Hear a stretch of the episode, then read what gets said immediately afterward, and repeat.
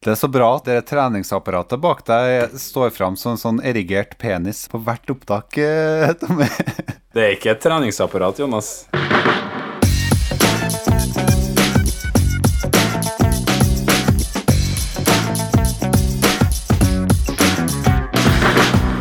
Du hører på Psykologlunsj, populærvitenskapelig lunsjprat med psykologene Tommy, Jonas og Jan Ole.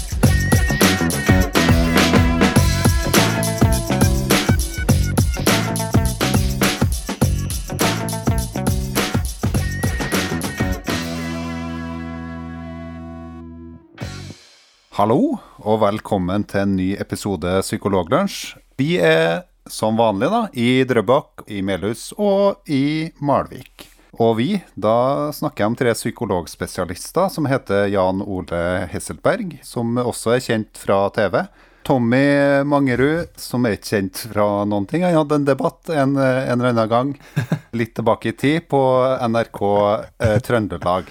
Og så har du Jonas Våg, som sitter i Malvik, som heller ikke er så uh, kjent. Åh, humble, humble. Men vi har et eh, radioprogram, da. I hvert fall en podkast, hvor vi snakker om litt sånn populærpsykologiske tema. Og nettopp nå, når vi tar opptak, så har vi vært igjennom en vinterferie. Og hva har dere gjort i vinterferien, gutta? Du, jeg eh, har vært på Hafjell med ungene mine Oi. og bare sunget rølpete sanger. Ja, nettopp. Hvilke sanger er det man synger i Hafjell? Er det sånn 'Pinne for landet' og sånn, eller? Ja, det er vel primært det det går i. Det er jo sanger som er spesialtilpasset Hafjell, Ja. Trysil og Hemsedal. Mm. Og Åre? Er Åre med der òg? Nei, det er laget en svensk versjon, Ja, det er de, ja. tror jeg. Ja. Det kan jo gjerne lytterne komme med noe innspill på, hvis de eh, vet eh, hva det siste feriestedet er. For jeg tror det er mer enn eh, Hemsedal, Trysil og Hafjell, altså. Kanskje Geilo? Ja, det kan godt være. Jeg liker jo den sangen ikke så mye pga. teksten, men mest pga. Uh, oppbyggingen og altså eh, Dramaturgien. Altså, ja. Ja, og musikalske. ja. Du kan- på en måte si den, Ja. musikalske dramaturgien i den. Ja. Mm. Den tar meg så mange steder eh, sånn mentalt. Ja. Mm. Det er litt sånn som Nocturne, egentlig.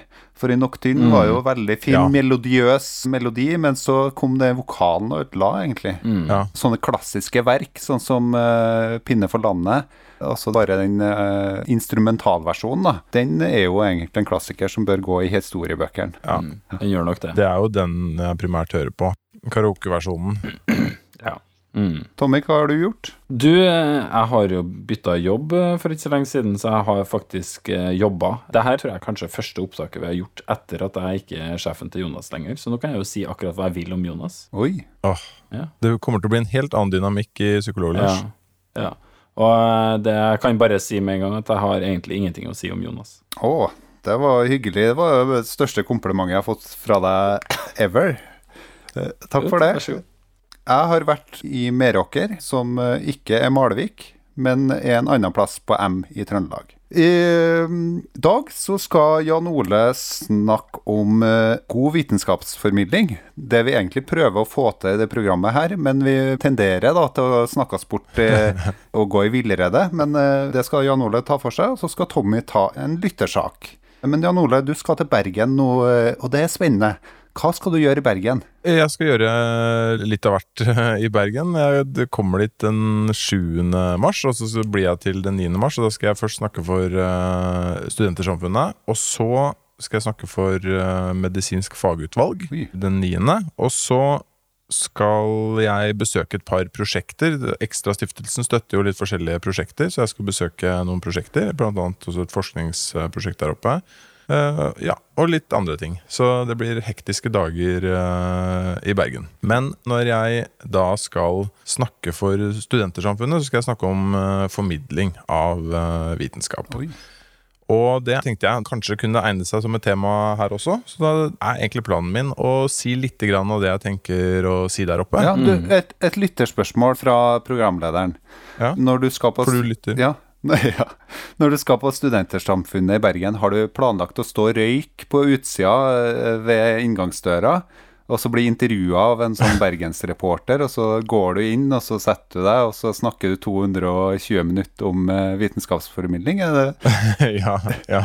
Det er akkurat det jeg har tenkt til å gjøre. Fordi eh, Frank Aarbrot kunne dessverre ikke ta det oppdraget akkurat der og da, så ble det meg Ja, så stas. Nei, det er dårlig med det. Jeg hviler nok veldig mye mer på powerpoints og er vesentlig mindre kunnskapsrik enn eh, Frank Aarebrot. Men- eh, jeg skal i hvert fall snakke der, og det er om et tema som jo vi eh, for så vidt kanskje si brenner for, på en måte. Jeg vet ikke om vi behersker det, men vi brenner jo for det. Og det er formidling av vitenskap. Og grunnen til at jeg har blitt bedt om å snakke der, er ikke bare de TV-produksjonene som jeg har vært en del av, men også podkasten Psykologlunsj. Oi, så bra. Så vi er med i ånden, på et vis. Dere er med i ånden. Ok. Nettopp. Det er det, det, er det, nest, okay. det, er det nest Ja. beste komplimentet jeg har hørt uh, i livet mitt. faktisk. I dag. Ja. Som også er i dag, da.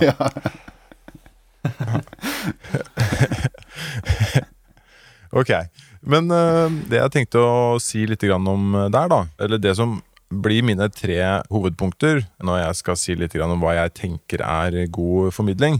Og nå må jeg bare understreke det. altså Jeg føler virkelig ikke at det er noe Selv om jeg har jobbet med formidling på heltid i en periode, så føler jeg virkelig ikke at jeg er noe ekspert hva god vitenskapsformidling er, handler jo selvfølgelig om hva du skal formidle, hvem du er som person, hvem som er publikummet ditt. Det er massevis av faktorer som varierer voldsomt fra situasjon til situasjon, og det er egentlig ganske tullete å påberope seg å si at man har en slags oppskrift på hva som er eh, god formidling. Men, men jeg har jo gjort noen tanker, da. Og de tre tingene som jeg tenker at uh, man har ganske mye å hente på, det er at man må, for det første man må tørre å forenkle budskapet sitt. Og det å være personlig kan være en ganske stor styrke. Også det å klare å vekke følelser hos eh, mottakeren. Og så kan jeg jo si litt om hva jeg har tenkt å si under de tre punktene, og så kan vi jo diskutere de Ja. for seg. Og så har jeg også lyst til å kanskje komme inn på en utfordring med vitenskapsformidling. Men ta forenkling først, da. Fordi det er jo ikke overraskende for uh, folk å høre at man må forenkle budskapet sitt når man skal drive med vitenskapsformidling, men likevel så er nok det noe som skremmer fagfolk ganske mye. Og jeg vil tro, eller jeg vet, at det er en god del fagfolk som ikke tør å gjøre det, og som takker nei til eh, oppdrag pga. det. Og det vet jeg, for jeg har jo sittet som journalist i andre enden og prøvd å få tak i fagfolk til typisk deg og til Folkeopplysningen og i andre sammenhenger for å få de til å, å si noe.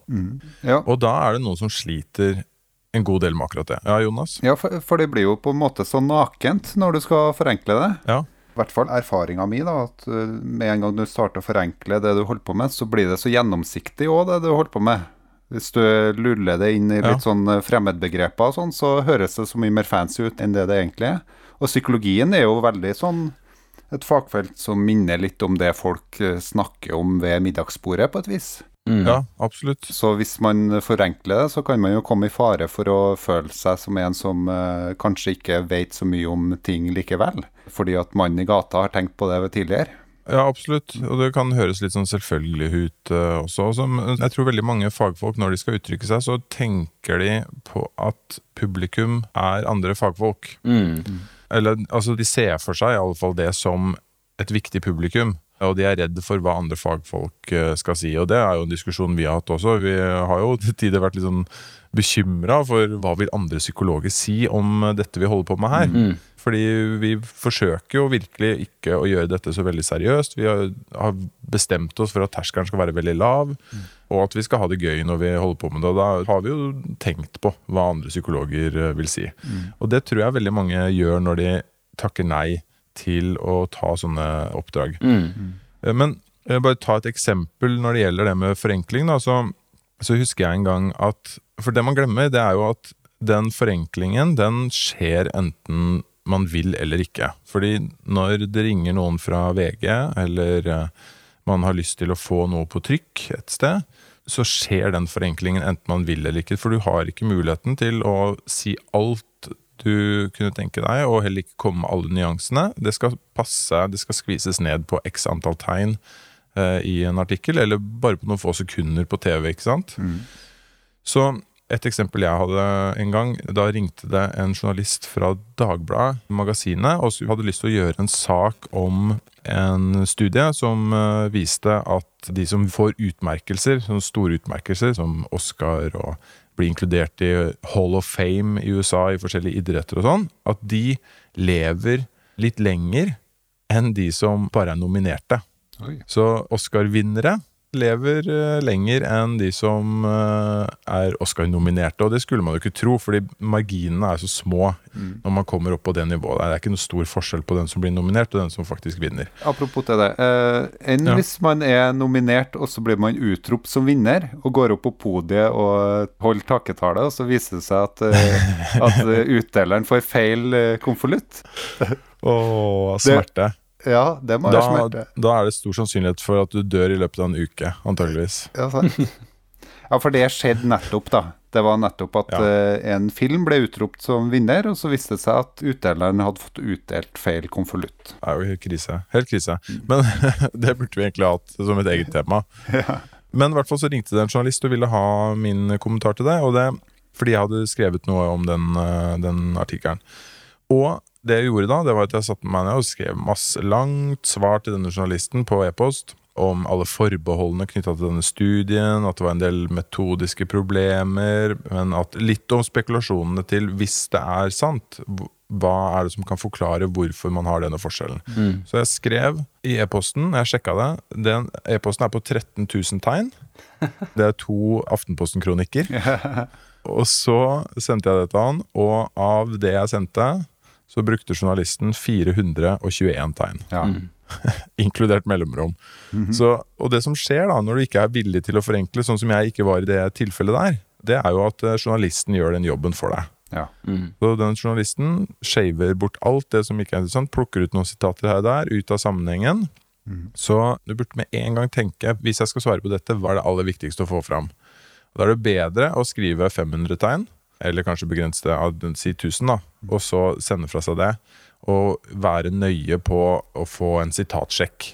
Og være villig, men du må være forberedt på det. Du må bare vite at det kommer til å skje. Noen ganger så plukker de bare en setning eller to også. Det er det ingen vei utenom. Så hvis du ikke har lyst til å holde på med det, så må du bare droppe å gjøre det. Men jeg tror jo at mange flere burde involvere seg i det. Fordi det er en veldig viktig kanal, og du får mer kontroll, tror jeg, av å bidra. Så, men det er noen utfordringer knytta til det også, selvfølgelig. Og så det er jo som du sier, altså, det er jo viktig å bidra, for ofte så er det jo, har du jo kanskje en liste med folk. Så noen kommer jo til å svare på det til slutt likevel, antageligvis. Og du vet jo ikke hvor langt ned på den lista de er nødt til å gå heller, ikke sant? For det er jo noe Nei. med å um, kanskje spørre noen som har litt peiling på det temaet. Absolutt. Og hvis du takker ja, og du mener at det er kritikkverdig vinkling, f.eks., og du sier det veldig tydelig, så tar de som regel med det. Med mindre de er veldig uredelige, da, vil jeg si. Så man har virkelig muligheten til å få sagt en del viktige ting, selv om det blir lite plass.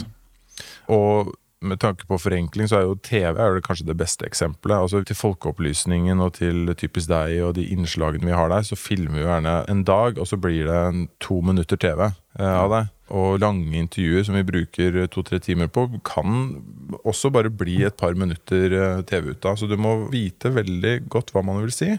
Og mange politikere er jo eksperter på det. ikke sant? De har plukka ut noen sånne ting de vil få fram, og så gjentar de det nesten uansett hva du spør dem om. Det er selvfølgelig kjempeirriterende, men det er en god grunn til at de gjør det. Det er fordi at de vil sikre seg at de får fram budskapet sitt. Og kanskje sånn må man tenke når man snakker med journalister, og når man ønsker å få fram et budskap knytta til vitenskapen. Mm. Men jeg skal gå videre. Jeg har disse tre punktene mine. I tillegg til det å tørre å forenkle, så mener jeg også at eh, man bør tenke litt på følelser. Altså man må klare å aktivere noen følelser hos eh, mottakeren.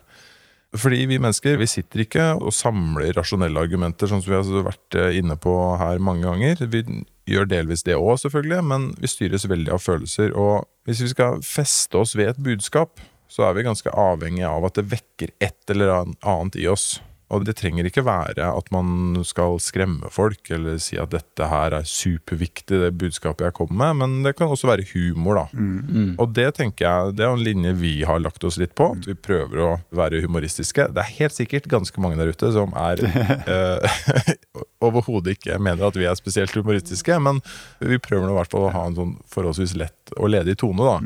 Og de temaene vi tar opp, de vinkler vi jo veldig ofte med en litt sånn uh, vri. F.eks. når Jonas snakker om uh, trylletriks som undervisningsverktøy. Sant?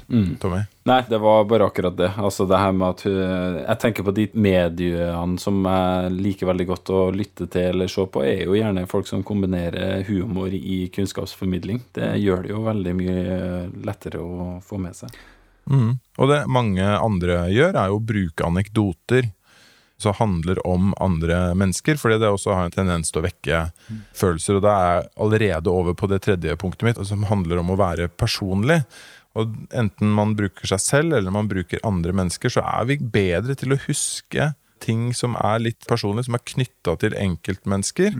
Og det er jo grunnen til at medier veldig ofte bruker eh, kasus, da, eller hvis de skal belyse en sak, så har de nesten alltid en person som har opplevd et eller annet som er knytta til den saken. Eller sånn, I Brennpunkt så er det jo Hvis de har en sak om eh, tvang i psykisk helsevern, så har de alltid en person med som har opplevd å være offer for det, for å bruke det for å fortelle historien. Det trenger man ikke alltid gjøre. I Folkeopplysningen så har vi aktivt valgt å ikke gjøre det på den måten, og ikke ha et kasus man følger gjennom eh, TV-programmet. Men der har vi på den andre siden valgt å kanskje eh, at eh, Andreas, programleder, og jeg forsøker å være litt personlige innimellom. Mm. Og der har dere jo brukt humor som virkemiddel òg. Altså, apropos det å aktivere følelser og sånne ting. Mm. Absolutt, det har vært veldig viktig. Og eksempelet, da, eksempelets makt, altså ved å liksom gjøre demonstrasjoner, så er det også Det vekker andre typer følelser enn bare å få gjenfortalt eh, et eksperiment, da. Mm. Så, men jeg tror veldig mange Det ligger ikke veldig naturlig for eh, alle å være personlig, eller å tenke på det. Men jeg tror man vinner veldig mye på det. Enten det er å bruke seg selv, eller det er å bruke gode historier fra andre mennesker. Og veldig ofte så synes jeg at den emosjonelle appellen blir altfor høy, da. I, enten det er i Brennpunkt eller det er i en VG-dokumentar. Altså at man bruker historien litt for mye. Men det trenger ikke å være et problem, og det kan man dosere på andre måter, tenker jeg da. Så for å oppsummere så tenker jeg det er det tre ting man kan gjøre når man skal formidle. Det er det at man må tørre å forenkle. Man må huske at mottakeren styres ganske mye av følelser, og må klare å spille på de. Og en god måte å gjøre det på er å kanskje være personlig, da. Er det tredje punktet. Men en utfordring med vitenskapsformidling En av de tingene jeg tenker å ta opp i Bergen, og som vi for så vidt har vært inne på her også, det er jo sånn som vi gjør. Vi har som regel en nyhetssak hvor vi snakker om en ny studie eller et eller annet nytt og spennende funn som eh, har kommet fram. Og så viser det seg jo, som vi også har vært inne på her flere ganger, at de studiene ofte ikke helt slår til. Altså Når man prøver å gjøre de på nytt igjen, eh, altså om fem-ti år, så viser det seg at det var ikke riktig, den konklusjonen som studien kom fram til. Og det er jo en ganske stor utfordring. Strengt tatt, da, hvis man skulle vært superetterrettelig i sin formidling, så burde man kanskje ha ventet til det er gjort en eller annen stor systematisk oversikt eller kunnskapsoppsummering av alle tilgjengelige funn, og så først rapportert på funnene da. Så hvis det kommer en ny spennende studie om depresjonsbehandling f.eks., så bør vi kanskje vente i en fem-seks år, eller bare snakke om det vi liksom oppsummert vet i dag, da. Men det er jo veldig veldig vanskelig. Jeg vet ikke hva dere tenker om det. Jo, det ser jeg på som et, eh, et stort problem, i hvert fall når du skal formidle noe knytta til noe som er viktig, da. Sånn som depresjonsbehandling eller mm. utvikling av et nytt medikament eller eh, et eller annet som kan ha stor impact på befolkninga og befolkningas helse. Men så har du jo sånne I media så er det ofte at du trekker fram sånne studier som er litt sånn obskur. Som tar for seg et tema som egentlig ikke er så veldig, veldig viktig. F.eks. julehandling.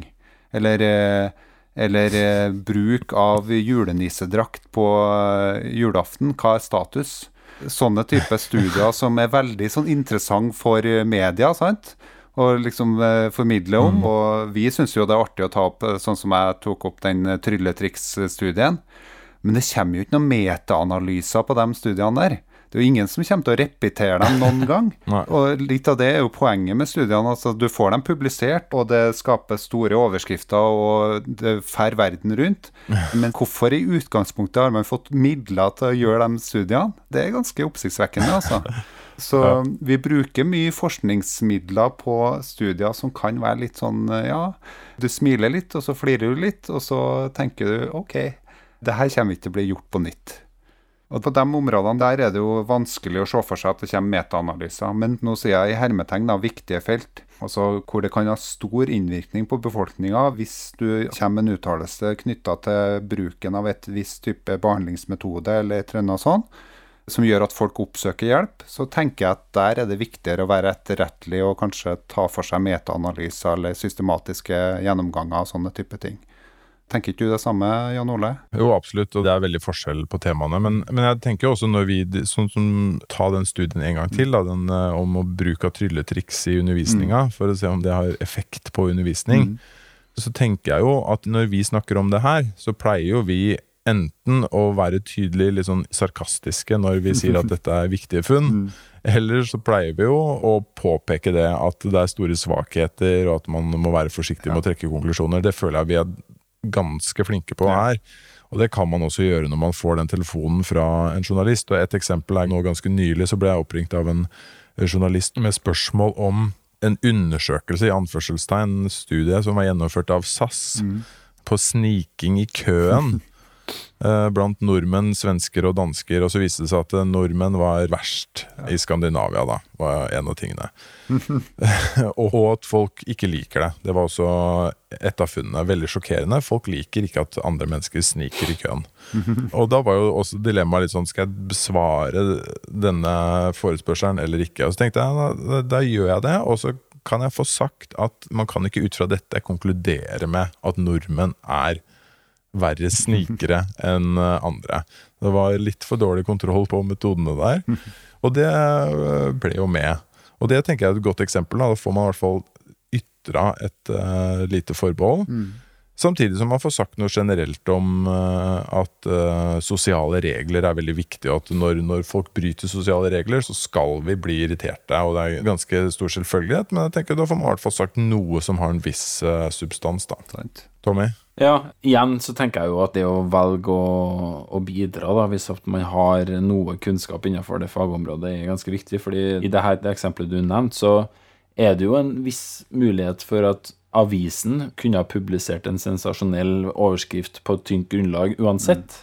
Og da får du jo også et lite sånn problem som jeg tenker av og til oppstår, nemlig at folk får lite tiltro til forskning, fordi at de får, de får de her sensasjonelle overskriftene som ikke nødvendigvis stemmer med virkeligheten. F.eks. sånne type ting som hvilke matvarer som enten fører til eller beskytter for kreft, ikke sant? som kan være det samme matvaren eh, annenhver uke. Og så når man kikker litt nærmere på det, så ser man at det er, det er kanskje bare et enkelt dyrestudie eller noe veldig sånn spesifikt som ikke har relevans for mennesker å gjøre i hele tatt. Og det trenger ikke den journalisten som ikke har fagkunnskap å forstå heller. Nei. De har kanskje ikke lest hele artikkelen engang, ikke sant?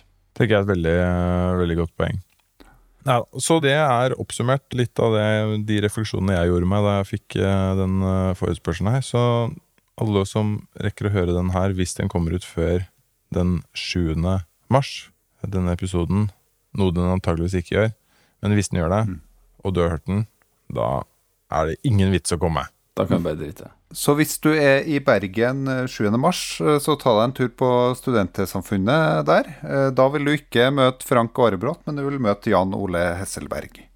Vi drar over til Tommy, som har en lyttersak. Og det har du sagt at du ikke vil avsløre for oss hva det er for noe, så det er jeg spent på å høre. Hvilken lyttersak har du, Tommy?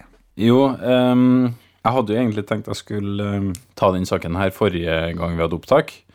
Men så fikk jo ikke jeg til å være med lenger enn eh, introen. Oi. Så den har jo ligget og modna seg en stund nå, da. Det har jo gjort at jeg kanskje har fått eh, tid til å forberede meg enda litt bedre òg. Men Å ja, ikke sant. Nei da, men um, det jeg tenkte jeg skulle stille dere et spørsmål rett og slett først, som jeg vil at dere skal prøve å besvare. Og det er Kan dere begge toene eh, forsøke å se for dere Lukke igjen øynene, og så prøver dere å se for dere ei strand. Og da vil jeg veldig gjerne høre hva hver av dere egentlig Hva er det, hva er det som skjer da, Jan Ole? Ja, hva som skjer da? Altså øh, det, det første som skjer, er jo at det dukker opp et bilde av, øh, av øh, en litt sånn bua strand Mhm. øh, med vann til stede. Det Mhm. er i sørligere strøk, det er helt åpenbart. Og så, etter hvert, så dukka det opp mennesker på den stranda. Mm. Ja. Det ble liksom fylt, du, Jonas? med, fylt med aktivitet, da. Jo, jo Fylt med aktivitet, ok? eh, problemet til meg er at jeg får ikke styrt det bildet. Så, at, eh, så til meg så blir det akkurat sånn en sånn bua strand. Eh, og så vil jeg at den skal se ut som en sånn sandstrand som eh, den eh, fine sandstranda som var i Hellas da jeg var der første gangen med samboeren min. Men så blir det sånn vulkansk strand, sånn à la det man har på Santorini, eller hva det heter. Så, det, så det blir liksom eh, Det ødelegger hele det bildet jeg har av en sånn eh, hvit sandstrand med fine parasoller og sånn. Så blir det bare vulkanske scener. Irriterende bilde, altså. Så, så til meg så, så, Ja. så får jeg et annet bilde enn det jeg ønsker meg. Mm. Kan jeg få stille noen oppfølgingsspørsmål? Er de her bildene i farger? Ja, det er farger. Ja. Er de livaktige? Er det bevegelse er de? Er de? Ligner de på på en måte bilder eller minner dere har eh, opplevd sjøl? Ja, ja. det vil jeg si. Til en viss grad, vil jeg si Ja. det, altså. Ja. Nei, men eh, det er veldig ok besvart. Fordi det som skjedde, skjønner du, det var at det eh, jeg nettopp eh, Ja, det, var, det er antakeligvis veldig riktig. Men eh, for det dukka opp en e-post fra en uh, lytter som uh, beskrev et fenomen som uh, vedkommende hadde for ikke så veldig lenge siden blitt klar over at hun hadde en slags lidelse, kan man kalle det, eller et problem som ikke hun visste at hun hadde. Ja. Og det her er da en eh, lytter som heter Sunniva, som sendte en mail og, og beskrev et fenomen som heter afantasi. Mm. Altså en manglende evne til å se for seg visuelle bilder eller visuelle forestillinger i hodet. ja. Ja, og det syns jeg jo var ganske interessant, for det hadde jeg faktisk ikke hørt om, egentlig. I hvert fall ikke på den måten eh, før. Ehm, og hun lurte litt på om vi kunne diskutere det litt, da, fordi at ehm, det hun starta med å beskrive i den første e-posten, var jo det at hun hadde en opplevelse av at hvis man kan se for seg noe som vi kjenner til som fotografisk eh, hukommelse, så kan man nesten tenke seg at det her er nesten motstykket, da. Altså rett og slett en manglende evne til å huske eller se for seg og gi- reprodusere da, minner i fantasien. Ja. Eh, Har dere hørt om det, eller visste dere om fenomenet sjøl? Nei, jeg tror ikke det. Nei? Ikke jeg heller, men jeg har eh, bestandig hatt en mye mer sånn språklig hukommelse enn bildig hukommelse, så jeg er litt sånn interessert i akkurat det fenomenet, altså. Så det er spennende om du har funnet noe på det. Ja, og det er ganske interessant at du sier, fordi jeg tror jeg har nevnt det når vi har hatt opptak før, men en ting som jeg har reflektert mye over meg sjøl, det er det at jeg bruker ofte visuelle elementer i hukommelsen selv. sjøl. Når jeg prøver å huske ting, eller når jeg opplever ting. For eksempel, det, grunnen til at jeg oppdaga det første gangen, det var rett og slett når jeg satt og snakka med pasienter, når de fortalte om ting eller noe sånt nå. Så hadde jeg som regel knytta hver pasienthistorie til et geografisk sted da, som jeg har vært på. Det hadde ingen relevans eller ingen sammenheng nødvendigvis med den eh, historien eller den personen, men det var liksom veldig ofte at liksom jeg hang på en måte de her eh, historiene og minnene da, på en sånn knagg som hadde som billedlig eh, reproduksjon da, av eh, et eller annet, da. Så det er jo litt interessant at du sier. Men det er et fenomen som er relativt ukjent, som jeg har forstått. Det er anslått at det er et par prosent av befolkningen som eh, lir av det, men det er nok ganske mange som ikke vet at de lir av det. Det er Vi kikker liksom på nettet og leser litt sånne beskrivelser av folk som har oppdaga at de har det, så er de liksom godt voksen og har eh, aldri egentlig skjønt at det er sånn det er, da. Ja. I litteraturen så øh, ble det Altså, det var faktisk han godeste Francis Galton, som dere sikkert husker fra psykologiens historie. Darwins fetter. Ja, faktisk. Som i eh, 1880 gjorde en undersøkelse av på en måte det å reprodusere mentale bilder. da og beskrev det her fenomenet for første gang, og så ble det egentlig bare liggende, stort sett, i litteraturen og ikke behandla så veldig mye. Før i 2005 så var det en nevrolog som het Adam Seman ved Universitetet i Exeter, som fikk en pasient på kontoret sitt som så ut til å ha mista denne evnen til å visualisere ting etter en uh, operasjon. Ja. Så her hadde man da et veldig sånn spesifikt eksempel på noen som hadde mista den evnen, og så publiserte de en artikkel på det, og beskrev det også i en sånn populærvitenskapelig artikkel. Og så fikk da han her personen masse e-poster og ble kontakta av folk som sa hei, du, jeg har også det problemet her, men jeg har hatt det gjennom hele livet mitt. Og folk som da ikke skjønte at det er et problem. De blir liksom like overraska over at andre har den evnen til å visualisere på en måte i, i minnet sitt. da. Så jeg ba hun Synnøve om å beskrive litt hvordan hun eh, har eh, opplevd det her sjøl. Og at jeg har fått tillatelse av henne til å gjenfortelle eh, den eh, historien hennes. da. Så jeg tenkte jeg skulle lese opp noen av de eh, punktene for dere, og høre om dere hadde noen reaksjoner på det. Det som hun beskriver, er at uansett om hun har øynene opp eller igjen, så greier ikke å se for seg noe annet enn det som faktisk er foran seg. Eller hvis hun har bare lukker igjen øynene, så er det bare mørke. da. Og hun ble ganske nylig, alle- i høst, så ble hun klar over at hun hadde problemet, og det er en eh, voksen person, så hun har ikke visst at det var noe som eh, hun har lidd av da, i mange, mange år, eller hele livet sitt. Nei. Men når hun kikker litt sånn tilbake til det, så en av de tingene hun nevner, som jeg ser at flere har beskrevet, da, er at eh, de har stussa litt over det her konseptet om å telle sauer for å sovne. At liksom prøv å telle sauer, eller prøv å se for deg noe for å liksom berolige deg sjøl. Ja. Og det liksom har de tenkt at var en bokstavelig ting. ja. Altså at det var som å meditere over et ord, eller, eller hva det nå er. da At det ikke hadde noen ting med sauer å se for seg det å gjøre, egentlig. Ehm, fordi hun her, Sunniva, hun strevde av og til med å sovne om kvelden, og da prøvde hun det og skjønte ingenting. Og sier det blir litt som å telle elefanter mellom hvert tordenbrak for å se hvor langt unna lynet var. Det ble på en måte hennes beskrivelse av det å forsøke å telle sauer. Ja. Eh, så det syns jeg var litt interessant. da Videre så forteller hun at uh, Og det har jeg også sett flere beskrive, at noen lurer på hva er det som foregår i hodet ditt da når du fantaserer, eller når du prøver å Når, når ikke du har noen inntrykk. Og da er det mange som beskriver at det er en slags sånn konstant ordflom. En litt sånn nøytral ordflom. Eh, Det var en som beskrev det, den her nøytrale stemmen som dukker opp når du tenker inni hodet ditt, som ikke har noe sånn spesielt volum, toneleie eller karakteristikker. Det er liksom den her tenkestemmen som er veldig nøytral. Den på en måte bare er der hele tida, da. Sånn at alt som skjer, og alt man tenker, blir til en sånn radiomonolog eller en høytlesning inni hodet. I stedet for alle de her bildene og assosiasjonene som kommer ut av det. da. Mm.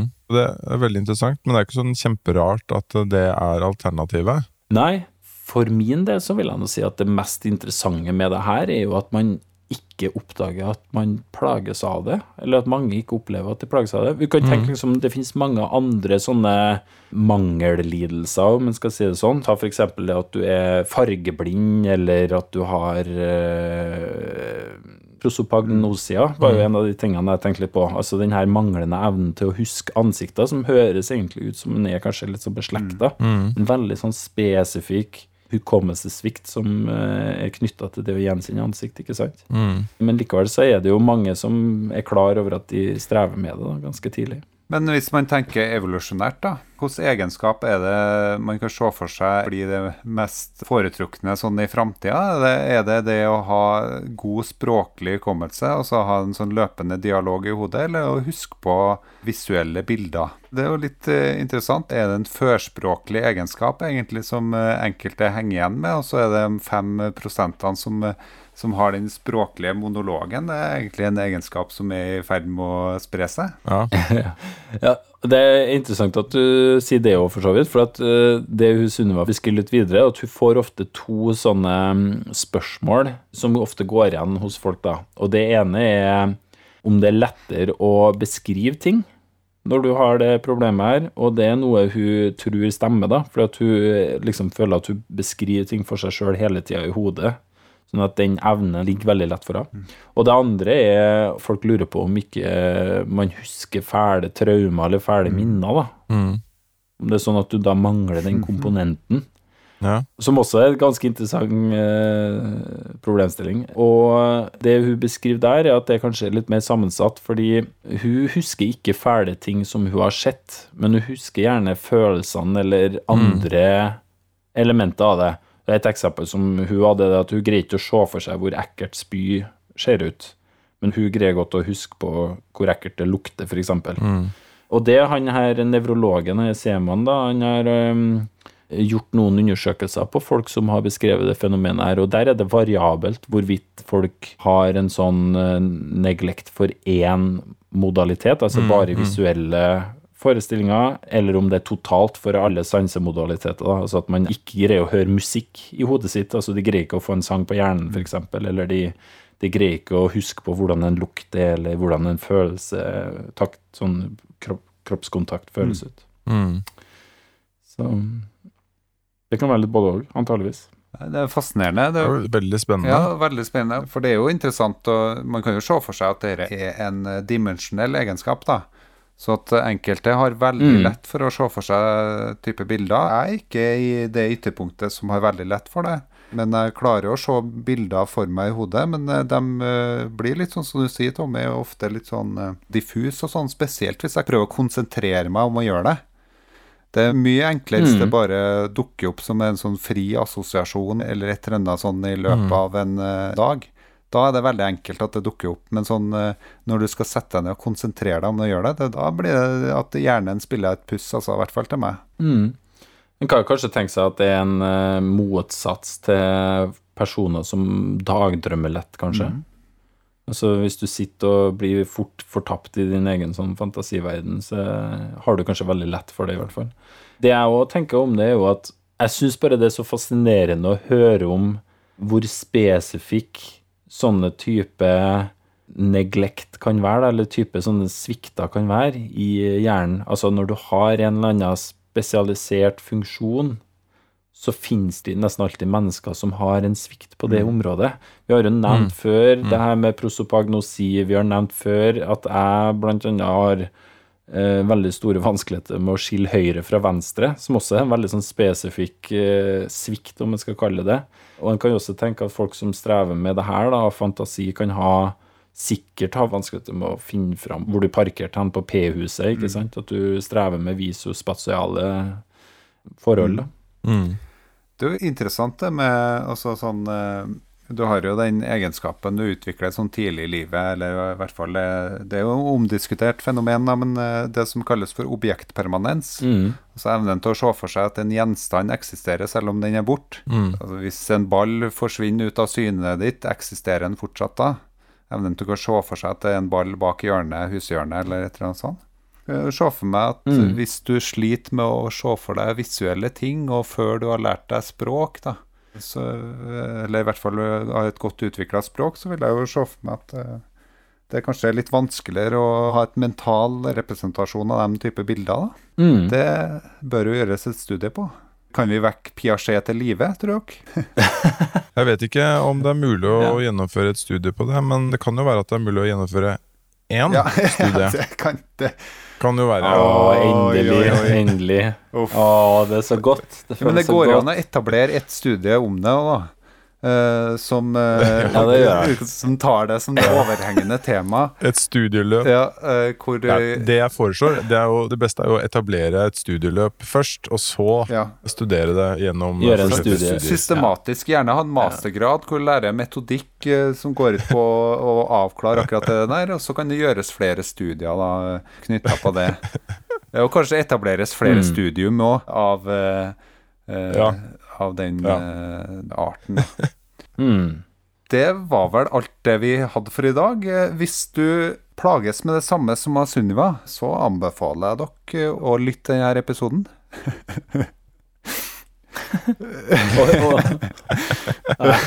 Gjør det. For, Jeg er eh, enig. for at- Jeg er enig. Ja.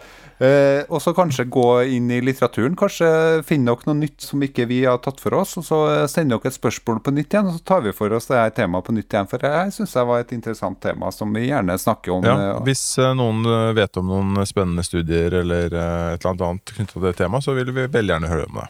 Absolutt. Da takker jeg for at dere lytta til vår episode. Og er dere i Bergen den 7. mars, stikk på Studentersamfunnet. Takk for oss.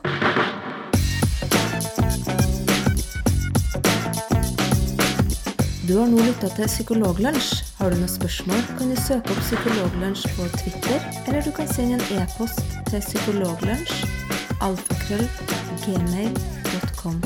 Mer informasjon om temaet du har hørt i dag, finner du på psykologibloggen.no og tankesmed.no.